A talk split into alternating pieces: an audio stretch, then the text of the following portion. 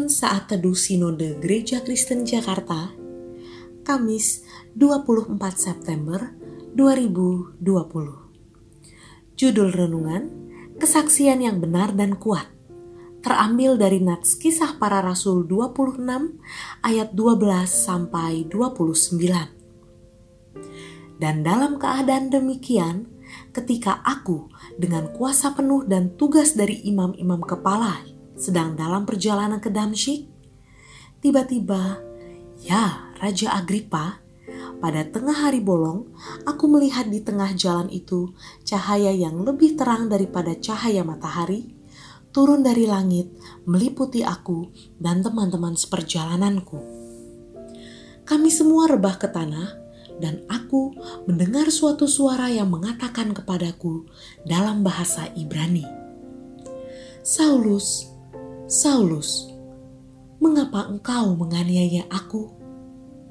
Sukar bagimu menendang ke galah rangsang.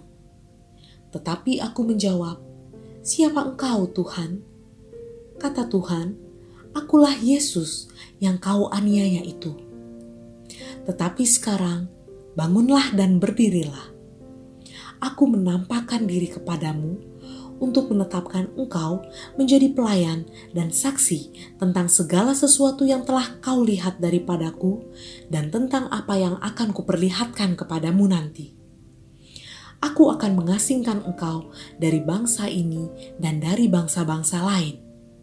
Dan aku akan mengutus engkau kepada mereka untuk membuka mata mereka supaya mereka berbalik dari kegelapan kepada terang dan dari kuasa iblis kepada Allah supaya mereka oleh iman mereka kepadaku memperoleh pengampunan dosa dan mendapat bagian dalam apa yang ditentukan untuk orang-orang yang dikuduskan.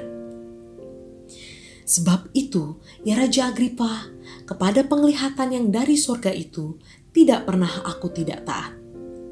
Tetapi mula-mula aku memberitakan kepada orang-orang Yahudi di Damsyik, di Yerusalem, dan di seluruh tanah Yudea, dan juga kepada bangsa-bangsa lain, bahwa mereka harus bertobat dan berbalik kepada Allah, serta melakukan pekerjaan-pekerjaan yang sesuai dengan pertobatan itu. Karena itulah orang-orang Yahudi menangkap aku di bait Allah dan mencoba membunuh aku. Tetapi oleh pertolongan Allah, aku dapat hidup sampai sekarang dan memberi kesaksian kepada orang-orang kecil dan orang-orang besar. Dan apa yang kuberitakan itu tidak lain daripada yang sebelumnya telah diberitahukan oleh para nabi dan juga oleh Musa, yaitu bahwa Mesias harus menderita sengsara dan bahwa ia adalah yang pertama yang akan bangkit dari antara orang mati dan bahwa ia akan memberitakan terang kepada bangsa ini dan kepada bangsa-bangsa lain. Sementara Paulus mengemukakan semuanya itu untuk mempertanggungjawabkan pekerjaannya, berkatalah Festus dengan suara keras, "Engkau gila, Paulus! Ilmumu yang banyak itu membuat engkau gila." Tetapi Paulus menjawab, "Aku tidak gila, Festus yang mulia. Aku mengatakan kebenaran dengan pikiran yang sehat." Raja juga tahu tentang segala perkara ini. Sebab itu, aku berani berbicara terus terang kepadanya. Aku yakin bahwa tidak ada sesuatu pun dari semuanya ini yang belum didengarnya. Karena perkara ini tidak terjadi di tempat yang terpencil. Percayakah engkau, Raja Agripa, kepada para nabi? Aku tahu bahwa engkau percaya kepada mereka. Jawab Agripa, hampir-hampir saja kau yakinkan aku menjadi orang Kristen. Kata Paulus, Aku mau berdoa kepada Allah supaya segera atau lama-kelamaan bukan hanya engkau saja, tetapi semua orang lain yang hadir di sini dan yang mendengarkan perkataanku menjadi sama seperti aku, kecuali belenggu-belenggu ini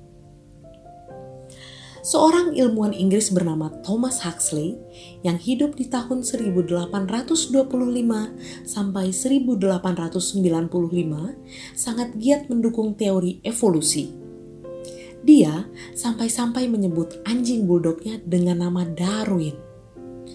Sebagai seorang agnostik, ia percaya bahwa agama adalah tahayul yang berbahaya.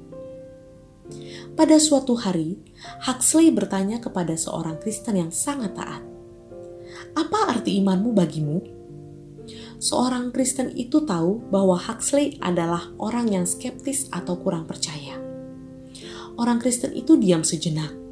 Kemudian ia menjawab Huxley, "Anda adalah orang berpendidikan, dan Anda bisa saja menentang apa pun yang saya katakan." Tetapi Huxley terus mendesaknya untuk menjelaskan mengapa ia menjadi seorang Kristen. Maka dengan tulus hati orang Kristen itu menceritakan arti Yesus bagi Huxley. Singkat cerita, Thomas Huxley begitu tersentuh dengan kesaksian orang Kristen itu, sehingga ia tidak mampu untuk mendebatkan apa yang disampaikan orang Kristen itu. Huxley berkata dengan sungguh dan tulus, saya kagum akan iman Anda kepada Yesus.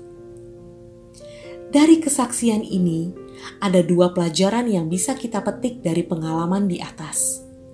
Pertama, kita boleh saja menghargai pengetahuan, tetapi kita tahu bahwa pendidikan formal tidak seharusnya digunakan untuk menguji iman kepada Yesus yang dapat menyelamatkan dan mengubahkan hidup. Kedua, sering kali kesaksian sederhana yang kita sampaikan dengan sungguh-sungguh, yang keluar dari lubuk hati karena pengenalan dan pengalaman kita akan Tuhan Yesus, akan lebih efektif daripada penjelasan ilmiah. Ketika Rasul Paulus berdiri di hadapan Raja Agripa, ia bercerita bagaimana Yesus telah mengubah hidupnya. Agripa sangat tersentuh mendengarnya hampir-hampir saja kau yakinkan aku menjadi orang Kristen. Kisah para Rasul 26 ayat 28